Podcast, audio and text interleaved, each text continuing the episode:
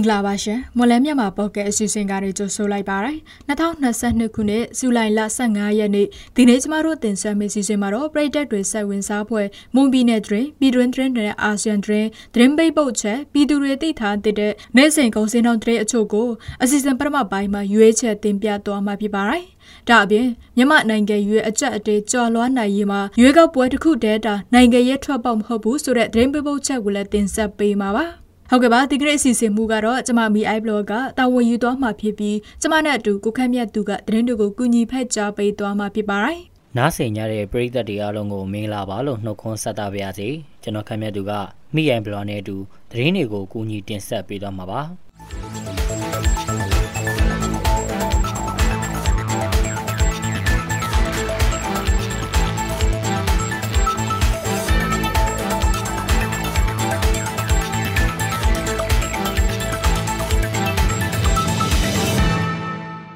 မွန်ပြည်နယ်အတွင်းရောဘာကုန်ချက်ပြက်လက်လာတာကြောင့်ပြည်ပတင်ပို့မှုရပ်နားထားရတယ်လို့ရောဘာလုပ်ငန်းရှင်တွေစီကသိရပါဗျ။ပြီးခဲ့တဲ့ဇွန်လအတွင်းထိုင်းနိုင်ငံနဲ့မလေးရှားနိုင်ငံကရောဘာဝယ်ယူမှုမြင့်တက်လာလို့ပြည်တွင်းမှာ RSS1 ရောဘာကုန်ချက်ပြက်လက်သွားပါတယ်။တိုးလောင်ထားတဲ့ရောဘာကုန်ချမ်းတွေပြင်တောင်သူတွေလက်ထဲမှာကုန်ချမ်းပြက်လက်နေလို့အရောက်အဝယ်ရပ်ထားရတာဖြစ်ပါတယ်။ပြီးကြတဲ့ဆွန်လတရရဘက်ကစားပြီးရောဘာဈေးနှုန်းမဖွေပဲအယောက်အဝယ်ရက်နာထားရတာပါ မိုးရင်းကာလဖြစ်တဲ့ဇွန်ဇူလိုင်နဲ့ဩဂတ်လဟာရော်ဘာလုပ်ငန်းရပ်နားထားရတဲ့ကာလလည်းဖြစ်ပါတယ်။ လာမယ့်စက်တင်ဘာလကစတင်ပြီးလာမယ့်စက်တင်ဘာလကစပြီးရော်ဘာဈေးကွက်အရင်အတိုင်းပြက်လက်လက်ပတ်နိုင်မှာဖြစ်တယ်လို့လည်းလုပ်ငန်းရှင်တွေကပြောပါတယ်။မွန်ပြည်နယ်ကထွက်ရှိတဲ့ရော်ဘာကုန်ကျန်းတွေကိုတရုတ်နိုင်ငံကိုအထူးထားတင်ပို့နေပေမဲ့ဒီနှစ်မှာတော့ထိုင်းနဲ့မလေးရှားနိုင်ငံတို့မှဝယ်ယူမှုမြင့်တက်လာခဲ့ပါတယ်။မကွေးတိုင်းမြိုင်မြို့နယ်မှာတူးဖော်ထားတဲ့ရေနံတွင်102တွင်ကိုတရားမဝင်မှုဆိုပြီးမိရှို့ဖျက်ဆီးခဲ့တယ်လို့နာစကကောင်စီရဲ့သတင်းစာတွေမှာဖော်ပြထားပါတယ်။မြိုင်မြို့နယ်နဲ့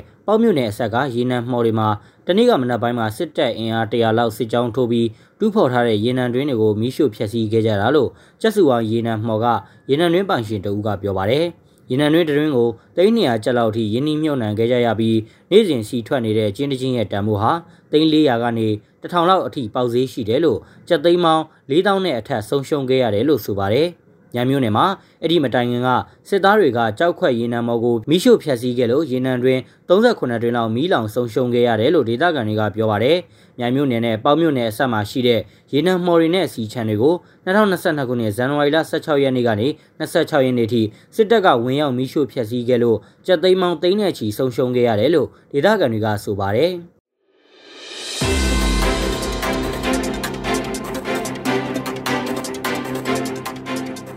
တို့ရဲ့မလန်းမြန်မာဖောက်ကမြန်မာဘာသာစီစဉ်ကိုအားပေးနားဆင်ကြတဲ့ပရိသတ်များရှင်ကျမတို့အတန်လို့စီစဉ်ကနေပြီးတော့မွန်ပြည်နယ်မှာဖြစ်ပျက်နေတဲ့သတင်းများပြည်တွင်းငင်းချဲရေးဖြစ်စဉ်များပြင်မြန်မာနိုင်ငံတွင်းနဲ့အာဆီယံတွင်းများကိုအပတ်စဉ်တင်လာနေမှတောကြနေများတွင်ည9:00နာရီအချိန်တွင် Mon New Agency Facebook စာမျက်နှာတွင်ဝင်ရောက်နားဆင်နိုင်လို့မလန်းမြန်မာဖောက်ကစာမျက်နှာတွင်လည်းဝင်ရောက်နားဆင်နိုင်ပါပြီအားပေးကြတဲ့ပရိသတ်များအားလုံးကိုကျေးဇူးတင်ပါတယ်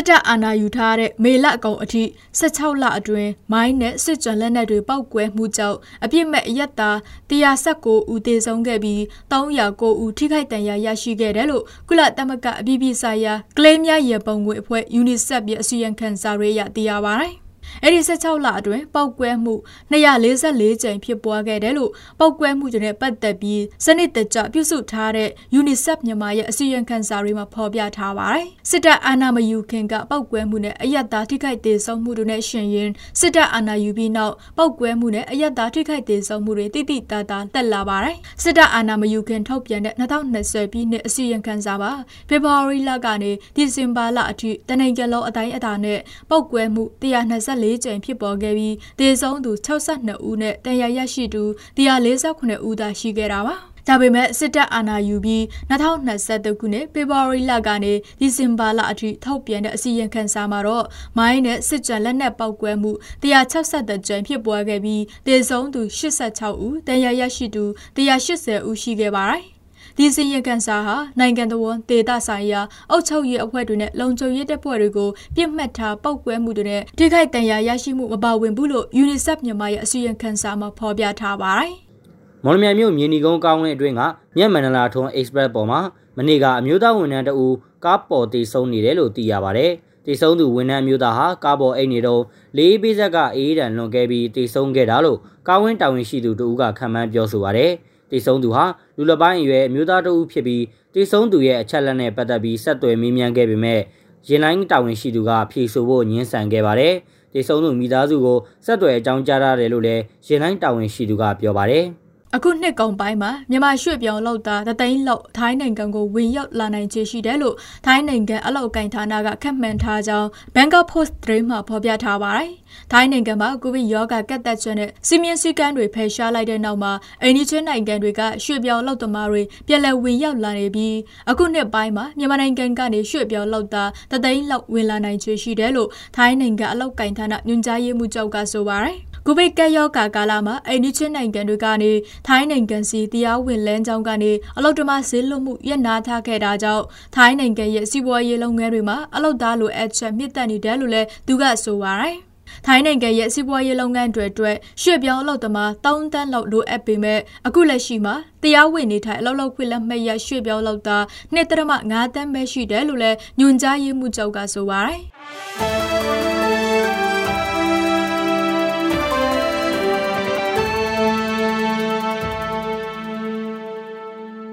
ဟုတ်ကဲ့ပါဆက်လက်ပြီးတော့ပြည်သူတွေသိထားတဲ့နေ့စဉ်ကုန်စင်တော်တွေအချို့ကိုမလမြိုင်ကုန်စီတိုင်းကအချက်လက်တွေကိုအခြေခံပြီးကျမကတင်ဆက်ပေးပါအောင်မယ်ဒီနေ့ဒေါ်လာဈေးကတော့အမေရိကန်ဒေါ်လာကိုဝယ်ဈေးမြန်မာငွေ1850ရှိပြီးရောင်းဈေးကတော့1855ရှိပါတယ်ရွှေဈေးနှုန်းကမီလ16ပဲရေတကြက်သားကို20သိန်း4200ကျပ်နဲ့15ပဲရေတကြက်သားကို18သိန်း8000ရှိနေပါတယ်73စီတွေကတော့တိဆက်တလီတာကို2185ကျပ်အောက်သိန်း92တလီတာကို1990ကျပ်နဲ့95တလီတာကို1945ကျပ်အထိရှိနေတာပါ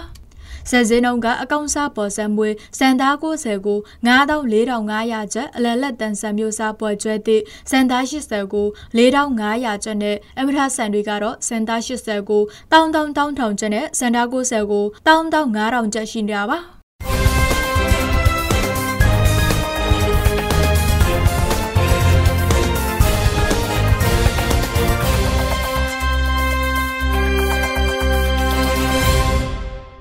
အခုတင်ဆက်ပေးသွားတာကဇူလိုင်လ15ရက်နေ့မှာဖြစ်ပျက်ခဲ့တဲ့မွန်ပြည်နယ်တွင်ပြည်တွင်းတွင်နဲ့အာဆီယံတွင်တွေပြင်တနိဒ်တာစီစေးငွေစေးနဲ့ကောင်စင်တော်တွေကိုတင်ဆက်ပေးသွားတာဖြစ်ပါတယ်။ဆက်လက်ပြီးတော့မြန်မာနိုင်ငံရေးအကြက်အတဲကြော်လွှမ်းနိုင်ရေးမှာရွေးကောက်ပွဲတစ်ခုတည်းတာနိုင်ငံရေးထွက်ပေါက်မဟုတ်ဘူးဆိုတဲ့ဒင်းပေးဖို့ချက်ကိုစတောင်းနုံကတင်ဆက်ပေးပါမယ်ရှင်။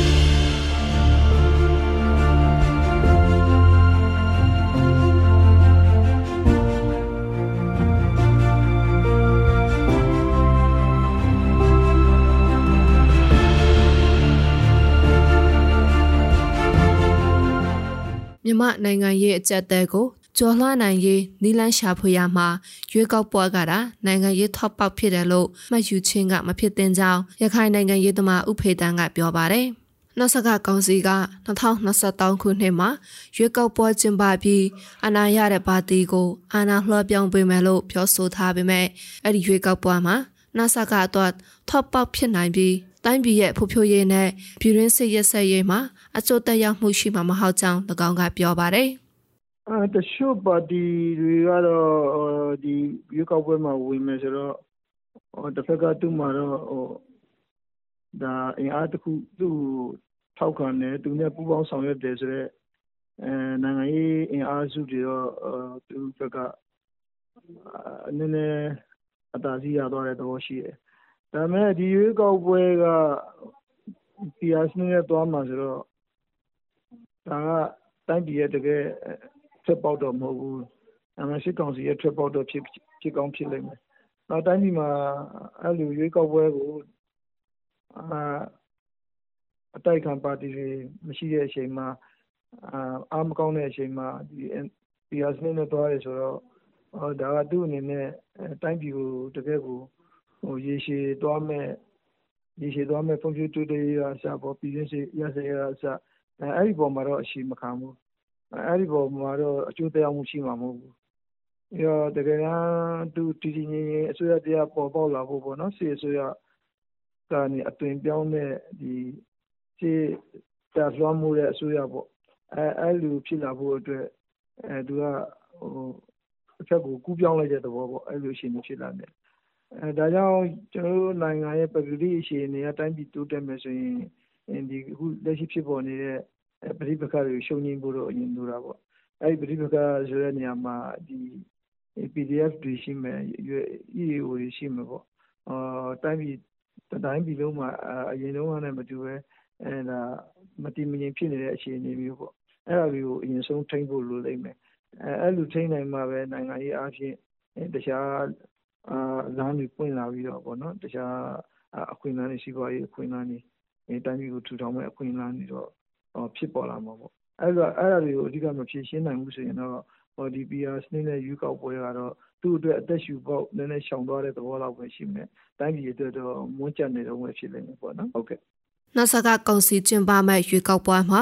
စစ်ဆိုရမှရတာဆိုရဘက်ကို ကူပြောင်းလိုက်တဲ့ စစ်တပ်လှမ်းမို့မဲ့ဆိုရဖြစ်လာမှဖြစ်တယ်လို့ဥဖေတန်းက ပြောပါတယ် ရွေးကောက်ပွဲလောက်ရောက်တဲ့တိုင်းပြည်တည်ငြိမ်မှုဖန်တီးနိုင်မဲဆိုဟာလဲမရေရတဲ့အခြေအနေဖြစ်နေကြောင်းတိုင်းပြည်တည်ငြိမ်ရေးမှာတွေ့ဆုံဆွေးနွေးမှုကအရေးပါကြောင်းနိုင်ငံရေးလက်လက်တောင်းတသူစိုင်းထွန်းအောင်လွင်ကပြောပါတယ်။ရွေးကောက်ပွဲတစ်ခုတည်းလှုပ်ယုံတဲ့ငြိမ်းချမ်းမှုတည်ငြိမ်မှုကိုဒီ2010နောက်ပိုင်းလို့ဖန်တီးပေးနိုင်မလားဆိုတာ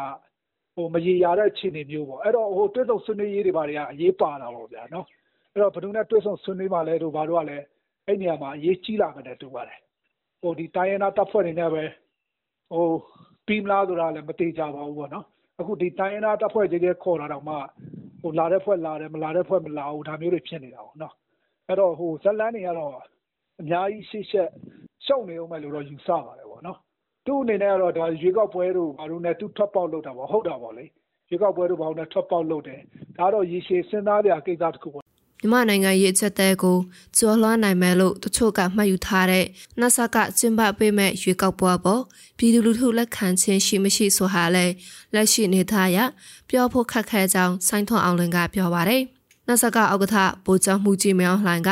2023ခုနှစ်ဩဂုတ်လတွင်ရွေးကောက်ပွဲကျင်းပသွားမှာဖြစ်ကြောင်းထောက်ဖော်ပြောကြားထားပါတယ်။ အဲ့ဒီရွေးကောက်ပွဲကိုအချို့ကျကိုစားပြုစနစ် PR နဲ့ကျင်းပသွားမှာဖြစ်ကြောင်းပြည်ထောင်စုရွေးကောက်ပွဲကော်မရှင် UEC ကပြောကြားခဲ့ပါတယ်။